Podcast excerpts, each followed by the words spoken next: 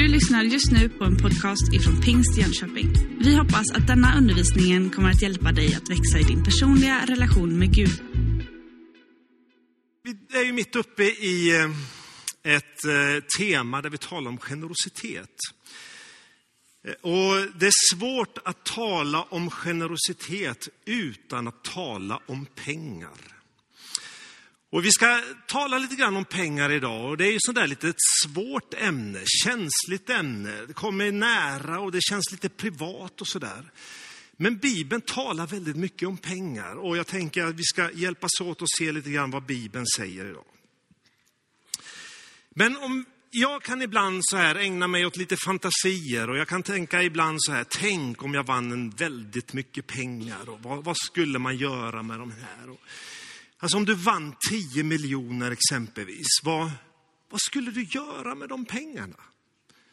Hur skulle det förändra ditt liv och hur skulle du liksom prioritera ditt liv? Och en del som får den där frågan, ja men jag skulle, jag skulle resa jorden runt eller jag skulle kanske skaffa ett annat boende eller en ny bil eller rent av en ny båt eller vad det nu är. Och så talar vi om mycket som vi skulle passa på att unna oss på något sätt. Och det, det är fantastiskt och det är roligt och jag unnar alla att unna sig någonting. Men det är väldigt sällan man hör någon så här, som skulle säga så här, ja men jag skulle ge bort rubbet. Man kanske skulle ge bort lite grann, man skulle passa på att vara lite extra generös sådär. Men allt, nej. Kanske om det är ett mindre belopp, eller så är det ännu svårare om vi talar om ett mindre belopp. Säg att du skulle vinna 10 000. Skulle man tanka på att man skulle ge bort de pengarna? Ändå så är det så att de flesta av oss, vi överlever utan att vinna de där pengarna. De flesta av oss, vi klarar oss ganska bra ändå. Så det där det skulle komma liksom som, som lite extra, som grädde på moset på något sätt. Och vi klarar oss faktiskt utan de pengarna. Men ändå så skulle många av oss tänka, men jag behåller det mesta själv. Om vi vann mer då, om vi vann sådär hundra miljoner eller någonting. Då skulle man väl kunna vara generös. Då kanske man kan tänka sig, ja, men då ger jag bort hälften. Jag ger bort 50 miljoner, det är ju fantastiskt. Men är det generöst att tänka sig att man ger bort 50 miljoner och så har man kvar 50 miljoner? Det är ju mer än vad man någonsin kommer behöva ha. Ofta tänker vi att ju större summor vi ger bort, desto generösare är vi. Men är det på det sättet? Om jag ställer frågan så här, vad lägger du dina pengar på för någonting? Hur mycket av din ekonomi går till olika delar i ditt liv? Alltså det finns ju det här basala, boende, mat och kläder. Det försöker vi se till att vi har pengar till, det mest basala. Men hur mycket lägger vi på allt annat? Nöjen, prylar, resor och vad det nu är för någonting. Och hur mycket utav vår ekonomi ställer vi till Guds förfogande? Och då börjar det komma så lite obehagligt nära och man funderar på, ja hur ser det där ut egentligen? Bibeln talar mer än 800 gånger om pengar. Och det verkar som att det är viktigt det här med pengar. Och mer än hälften av Jesu liknelser i evangelierna handlar om pengar och förvaltarskap. Så det verkar som att Jesus han tycker det här är ganska viktigt att prata om. Det verkar som att han tycker det här är en ganska central del i vårt liv. Så därför behöver vi säga någonting om det. Vad vi kan konstatera också det är att, att Bibeln talar om att hjärtat och pengarna hänger ihop. Det står så här i Matteus i, i, i det sjätte kapitlet. Samla inte skatter här på jorden där mal och mask förstör och tjuvar bryter sig in och stjäl. Samla skatter i himlen där varken mal, mask förstör och inga tjuvar bryter sig in och stjäl. Ty där din skatt är, där kommer också ditt hjärta att vara. Och det verkar som att det finns en, en connection, ett band mellan det vi äger och var vi har vårt hjärta. Det går liksom inte att skilja åt på något sätt. Och frågan är, äger vi pengar eller äger pengarna oss? Och var är vårt hjärta i förhållande till det vi äger? Generositet är ju liksom en, en, en, personlig egenskap på något sätt. Där den generöse liksom frikostigt delar med sig, ger till andra utan att förvänta att få någonting tillbaka. Och ibland så är det med en stor personlig uppoffring. Jesus han talar om det här med generositet och han gav lärjungarna en, en, liksom en ganska skarp bild på vad är sann generositet. Han sitter i templet tillsammans med sina lärjungar och sen så ser han hur en änka kommer fram och lägger ner sina gåvor i offerkistan. Och då står det så här i Lukas 21. Jesus såg upp och märkte hur de rika la sina gåvor i offerkistan. Men han såg också hur en fattig änka la ner två små kopparmynt. Då sa han, amen jag säger er, denna fattiga änka gav mer än alla andra. Ty det var av sitt överflöd som alla andra lade något i offerkistan. Men hon offrade av sin fattigdom allt vad hon hade att leva på. Och så kopplar han ihop det här med generositet. Det handlar inte om mängden, utan det handlar om hjärtat. Det handlar om villigheten. Det handlar om hur redo man är att försaka någonting för andras skull. Och är det så att sann generositet inte går att mäta i summor och i hur mycket pengar man ger, utan är det så att sann generositet mäts i hur mycket har man kvar när man har gett? Människor som lever i fattigdom, de kan vara minst lika giriga som människor som är, lever i rikedom. Men människor som lever i fattigdom kan också vara minst lika generösa som människor som lever i rikedom. Generositet, det är ju inte eh, där liksom en, någonting man får andlig bonuspoäng för på något sätt. Utan generositet handlar om ett val man gör i livet. Om jag inte vill vara dess motsats, som är girig eller snålhet, ja men då måste jag ju välja att vara något annat. Och då blir ju motsatsen generös. Om jag inte gillar det andra, ja men då måste jag vara det som är på den andra sidan skalan, generös. Rikedom, vad är det och vem är rik? Men rik skulle man lätt kunna säga, det är man så fort man har mer än det nödvändigaste. Och där kan man ju börja fundera på, vad är det nödvändigaste? Och där skiljer det sig ganska mycket ut över världen vad man anser vara det nödvändigaste. Och Bibeln talar om det här med rikedom och kritiserar rikedom många gånger, men inte utifrån att man tjänar mycket eller har mycket, utan mer förhållandet till det man äger och har. Och talar om det här att det handlar inte om att lägga på hög, det handlar inte om att lägga skatt, samla skatter här på jorden, utan det handlar om att använda det här för att vara med och välsigna andra människor. När du och jag har varit generösa, hur känner vi oss då? Ja, men jag tror att vi känner oss ganska väl till mods. Vi känner oss bra, vi känner, vi känner oss lyckliga liksom, där vi har varit generösa. Men frågan är liksom, när jag har varit generös, hur mycket har jag kvar? En del av oss, vi har liksom gåvan att vara frikostiga, att dela med oss. Och det, är liksom, det är hela vår varelse på något sätt. En del av oss, det sitter lite hårdare åt, det känns lite svårare och det kräver lite mer att liksom släppa taget på något sätt utav det vi äger och har. Johannes döparen, han predikade ju i öknen innan Jesus började sin, sin gärning. Och han predikade omvändelse och dop. Och så kommer det människor till honom i öknen där. Och ställer en massa frågor och han är ju inte direkt liksom sådär, stryker inte direkt medhårs när han talar till folket, Johannes. Det står så här i Lukas 3. Huggormsyngel börjar han med att tilltala folket. Vem har sagt er att ni ska slippa undan den kommande vreden? Bär då sådan frukt som hör till omvändelsen. Och börja inte att säga, ja, men vi har Abraham som fader. Jag säger att Gud kan uppväcka barn åt Abraham ur dessa stenar. Redan är yxan satt till roten på träden. Varje träd som inte bär god frukt ska huggas bort och kastas i elden. Och folket frågade honom, vad ska vi då göra? Han svarade, den som har två skjortor dela med sig åt den som inget har, ingen har. Och den som har bröd ska göra på samma sätt.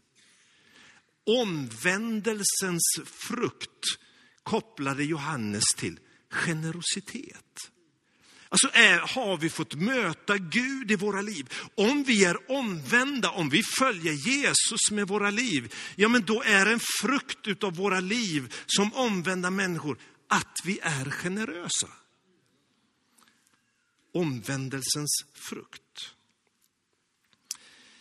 Ett generöst givande kan ju ibland vara baserat på liksom stundens ingivelse på något sätt. Vi står här ibland och försöker tala om olika behov. Och jag har stått här och talat om Sydsudan, jag har talat om svälten. Jag har försökt mana till era hjärtan och, och vi försöker liksom ibland spela på känslor liksom för att få folk att, att någonstans ge i stundens ingivelse. Och jag tror vi kommer fortsätta göra så. Vi är känslomänniskor. Men ett generöst givande är inte baserat bara på stundens ingivelse, något som sker i ett känslorus, utan det bygger på något annat. Ett generöst givande handlar inte om att döva ett samvete. Ett generöst givande, det är något planerat, det är något beslutat, det är något som sker systematiskt. Det är ett val jag väljer, som jag valt, det är ett liv jag har valt att leva. Det är något som sker i tro, det är något som sker i trohet, det är något som sker i lydnad till Guds ord. Paulus han tar upp det här när han skriver till församlingen i Korint i första Korinthierbrevet 16, när han talar om en insamling de håller på med. Då säger han så här, när det gäller insamlingen till de heliga ska ni följa de anvisningar jag har gett församlingarna i Galatien. Dagen efter sabbaten ska var och en regelbundet lägga undan vad han har råd med. Det var väldigt praktiskt, det var planerat, det var systematiskt, det var ordning och reda. Man skulle ha koll på sitt givande. Ett generöst givande handlar inte om vad jag eventuellt har över i stunden, utan det handlar om att jag ger det första och det bästa till Gud. Gud han gav det bästa. Det står så här i andra Korinthierbrevet 8. Ni känner vår Herre Jesu Kristi stora gåva. Han var han som var rik blev fattig för er skull, för att ni skulle bli rika genom hans fattigdom. Hans stora gåva, alltså att han gav sitt liv för mänskligheten. Han visade vägen när det gäller givandet. Och Johannes 3.16 kan vi ju i utan till. Ty så högt älskade Gud världen att han gav sin enda son. Han gav inte någon han hade över, utan han gav det enda han hade för mänsklighetens skull. För din och min skull. Alltså han har ju gått före i den största generositet världen någonsin har skådat. Generositet är baserat på kärleken till Gud. Den är baserad på kärleken till honom som lämnade allt, som gjordes till synd, som tog vårt straff, som bar mina och dina sjukdomar. Han som förnedrades, han som misshandlades, han som dödades, han som lades i graven i ditt och mitt ställe. Det är kärleken till honom som ger sig till uttryck i vår generositet. Ett generöst givande ställer frågan så här. Herre, du gav allt för mig. Vad kan jag ge dig som svar på det här? Och svaret på den frågan är ju liksom, Herre, ta hela mig. Allt vad jag är, allt vad jag har, allt, allt det jag äger, det är ändå ingenting mot vad du har gjort för mig. Men ett generöst givande handlar inte om att betala tillbaka till Gud. Det kan vi aldrig göra. Vad skulle vi betala med? Han som gav sitt liv för våran skull. Men ett generöst givande handlar om ett hjärta tillvänt honom, som i kärlek ger, sig ut, ger till uttryck genom att vara generös mot människor som lever i vår omgivning. Bibeln talar om en glad givare och Karina citerade det när hon talar här inför kollekten. Och det står så här i andra Korinthierbrevet 8. Att jag vill tala om för er bröder vilken nådegåva församlingen i Makedonien har fått av Gud.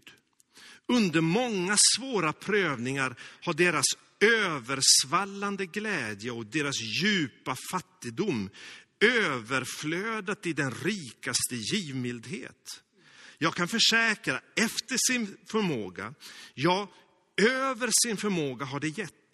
De kom självmant till mig och tiggde och bad om att få vara med och hjälpa de heliga. Och det gav inte bara det jag hade hoppats, efter Guds vilja gav det först och främst sig själva åt Herren och åt mig.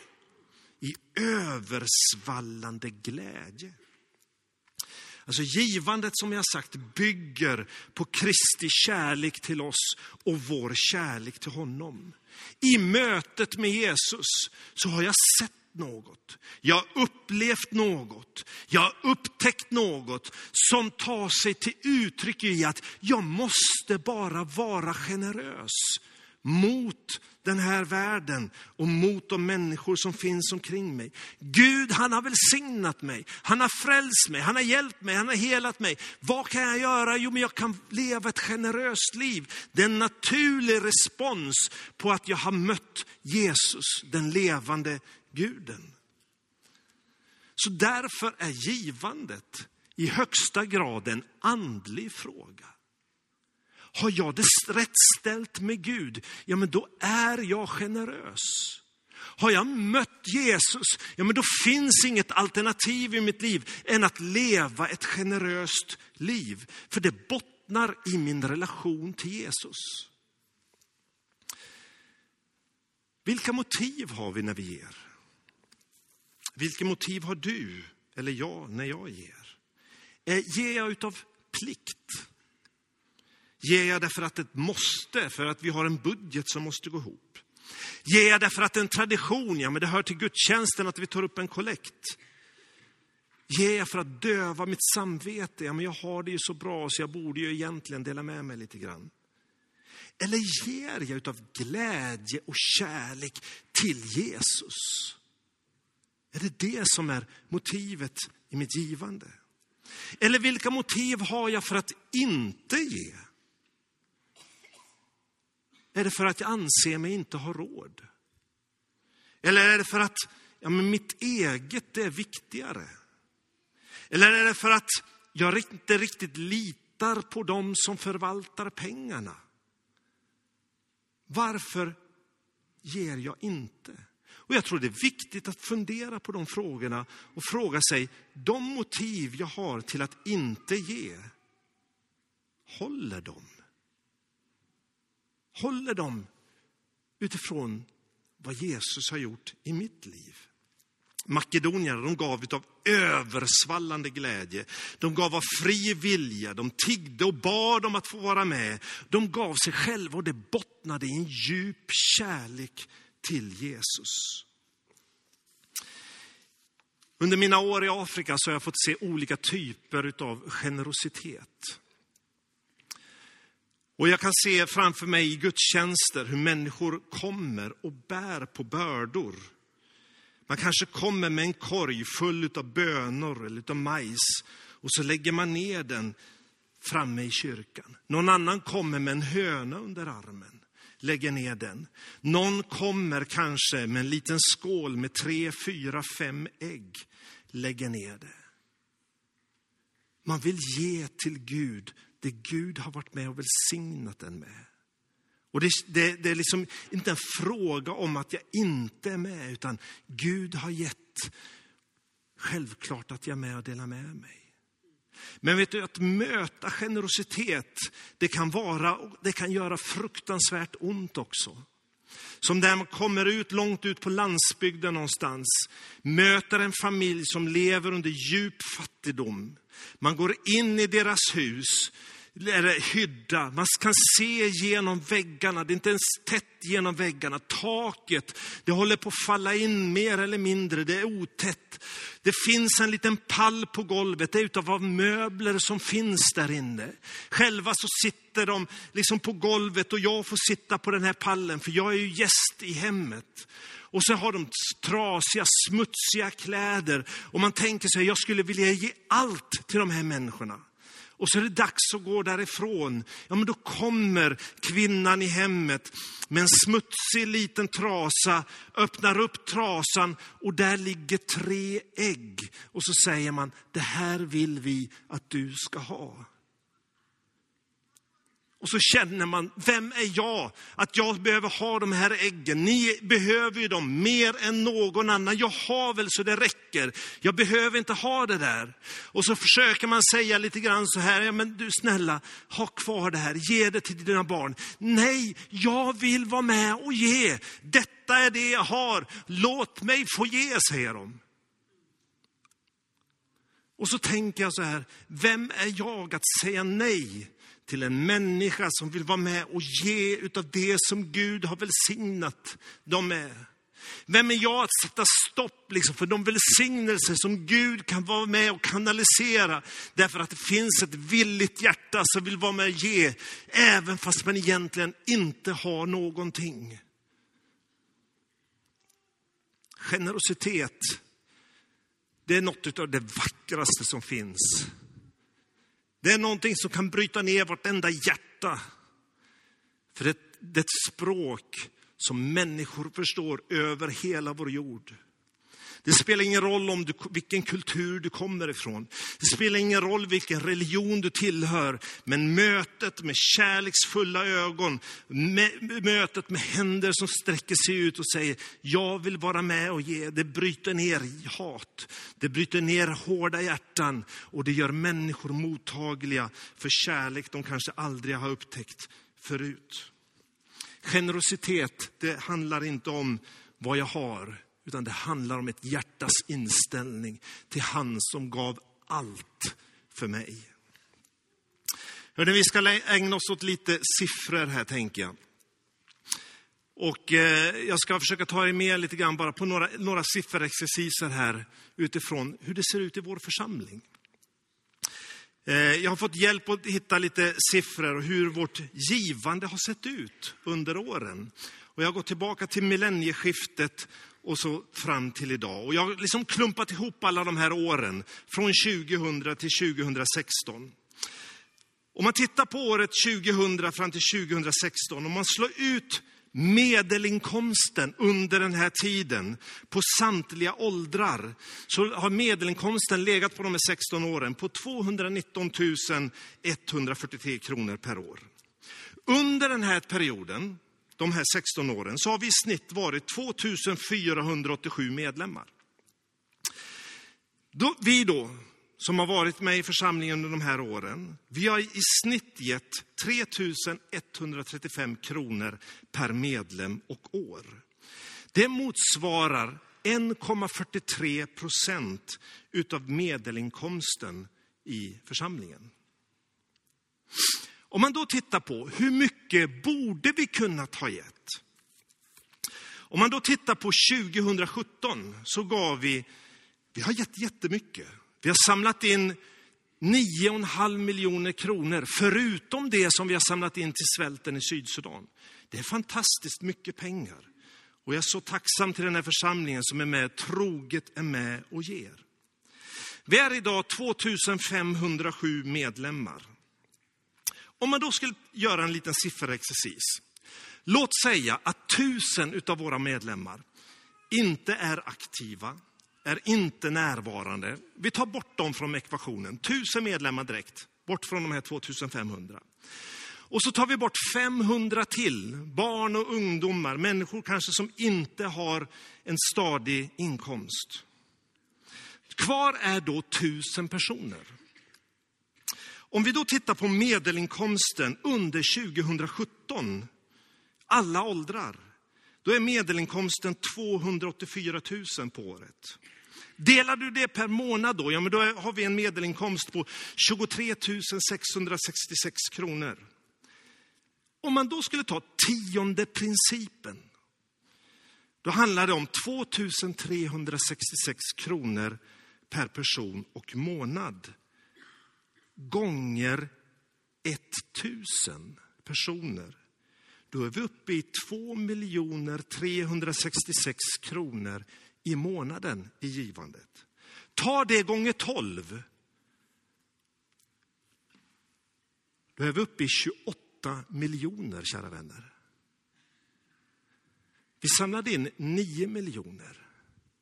Vi skulle kunna tredubbla vårt givande om vi responderade på de utmaningar som Guds ord ger oss. Om vi bara levde efter den enkla principen som Guds ord ger oss så skulle vi ha budgetar som låg liksom runt 30 miljoners strecket. Och då kan inte jag låta bli att börja fundera på hur skulle den församlingen se ut? Vad skulle vi inte kunna göra i vår stad? Vad för avtryck skulle inte vi kunna göra i vårt land. Och jag börjar drömma om församlingsplanteringar i vita områden i Sverige. Jag ser att vi sänder evangelister, pastorer, församlingsplanterare till många platser i vårt land och är med i en församlingsplanteringsrörelse. Jag ser hur vi möter människor med nöd av olika slag. Jag ser oss öppna upp boenden av olika slag till människor i behov. Jag ser oss att vi sänder människor till länder och folk och platser platser som vi inte ens har drömt om tidigare. Om vi bara responderade på det som Bibelns ord säger till oss. Det är viktigt att ha principer i sitt givande. Och en sån här princip, det är att Gud är först. En fråga till oss. Hur eller i vilken ordning sköter du dina finanser? När du får lönen, när du sitter med räkningarna, när du sätter dig framför datorn om det är så du betalar dina räkningar. Hur gör du det här? Ja, men många av oss vi har autogiron, det går liksom per automatik. Vi bara klickar och säger ja, så åker pengarna iväg.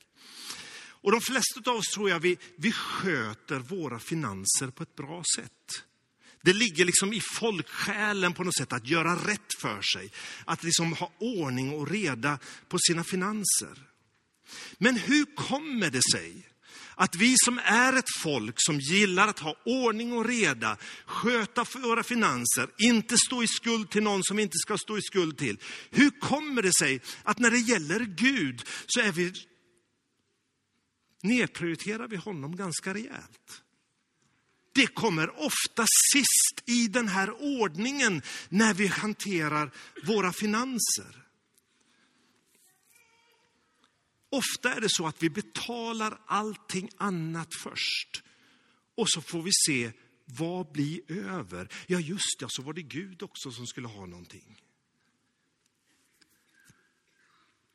Vet ni, det krävs tro även i givandet. Hela vandringen med Gud bygger på tro. Och även i givandet så är, handlar det om tro. Att ge till Gud först, innan räkningar, innan allt annat. Det förutsätter att det finns ett mått av tro. Att när jag har gett det Gud ska ha, det som tillhör Gud, ja men hur löser jag det här andra? Det krävs ett mått utav tro. Bibeln talar om tiondet och den talar om det som en viktig princip. Och det står så här i Malaki bok, i det tredje kapitlet. Gud han har liksom en, en, en diskussion där med människan. Och Gud ställer frågan, får, får en människa stjäla från Gud? Ändå stjäl ni från mig. Och så är det som folket säger, ja men vad har vi stulit från dig? Och så svarar Gud, tionde och offergåvor. Och förbannelser har drabbat er för, att hela, för ni och hela folket skäl från mig. Bär fullt tionde i förrådshuset så att det finns mat i mitt hus. Pröva mig nu i det här, säger Herren Sebaot, om jag inte kommer öppna himmelens fönster för er och ösa ut välsignelser över er i rikt mått. Och jag ska tillrättavisa skadedjur för er så att det inte fördärvar markens gröda. Och er vinstock på fältet ska inte bli utan frukt, säger Herren Sebaot. Och alla folk ska kalla er lyckliga, för ni har varit, ska vara ett ljuvligt land, säger Herren Sebaot. Kan jag stjäla från Gud? Nej, egentligen inte, för allt guld och allt silver är ju hans. Men likväl, när jag undanhåller mitt tionde, mitt givande, när jag inte för det till förrådshuset, så är det som om jag tar bort möjligheterna på något sätt för Gud att kunna vara med och välsigna sitt folk genom församlingen. Det finns liksom inte där, det som borde vara där. Tiondet det hjälper oss att tro, men det hjälper också att vara trogna givare. En tredje princip handlar om att ge till församlingen. Vi ger till Gud. Det är han som är mottagare i vårt givande. Men församlingen förvaltar och ledningen för församlingen hålls ansvariga i det förvaltandet. Både inför den svenska lagstiftningen, men också inför Gud. När jag som enskild person ger, så är det mitt ansvar, min, min relation, min respons till Gud det handlar om. Men när jag har gett, då finns det ett ansvar som vilar i församlingen att förvalta det här. Och i församlingen så finns det en ledning som hålls ansvariga för att förvalta det här på rätt sätt. Därför vill jag uppmana dig att kanalisera ditt givande genom församlingen. Låt förrådshuset, låt församlingen vara den plats där du har, där du har ditt andliga hem, ska också vara platsen för ditt givande.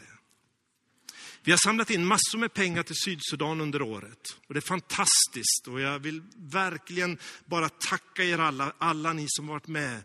Och jag önskar att jag skulle kunna ta med er alla dit och ni skulle få se vad det här får betyda. Men när vi gör sådana här extra insamlingar så kan vi också se att det tenderar att minska i det vanliga givandet.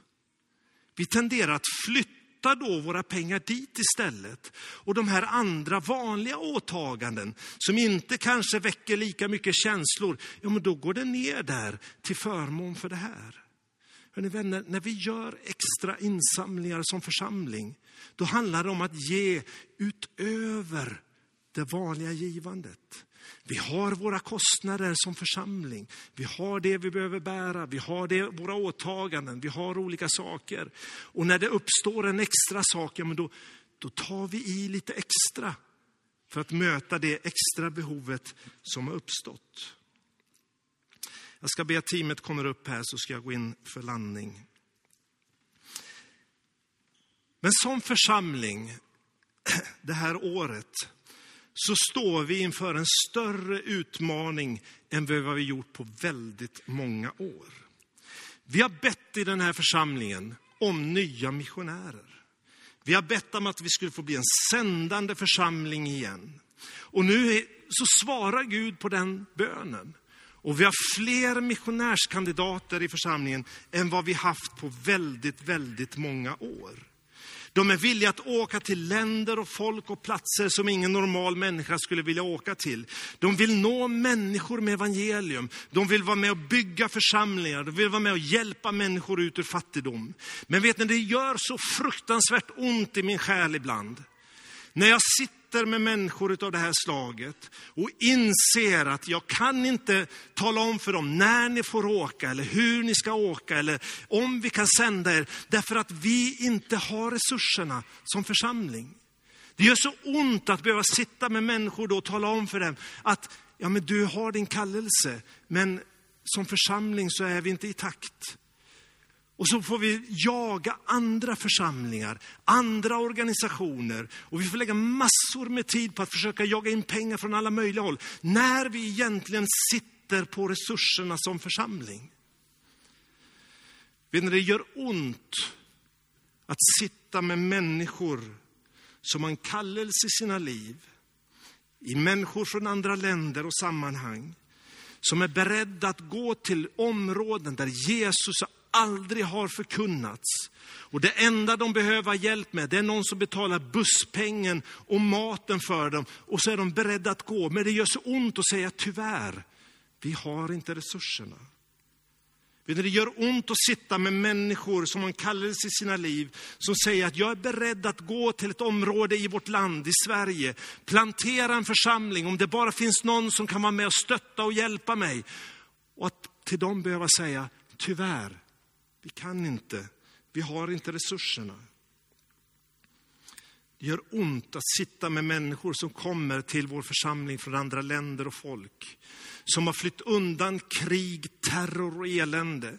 Som bara önskar att få ett boende, någon försörjning och ett liv värt att leva. Och behöva säga till dem, tyvärr, vi har inte resurserna. Och det gör så ont att tänka sig att Gud skulle kunna göra så oerhört mycket mer i och genom oss. Och vi skulle kunna få se så oerhört mycket mer hända på många olika planer i vår församling, i vårt land och i våra liv. Vi skulle kunna få betyda så oerhört mycket mer för oerhört mycket, många fler människor om vi bara liksom förstod att det kristna livet handlar om att leva ett generöst liv. Jag önskar att vi skulle kunna resa oss som församling och se vilka möjligheter vi har. Jag önskar att vi skulle liksom få, få det här mötet med Jesus och där vår respons på hans kärlek till oss fick ta sig till uttryck att vi vill leva generösa liv. Vi vill inte hålla tillbaka. Vi vill vara med och välsigna. Tänk om vår församling skulle bli känd för att vi är sådär snuskigt generösa. Jag hittade inget bättre ord i stunden. Men där vi, där vi, det är det som man tänker på när man tänker på oss som församling.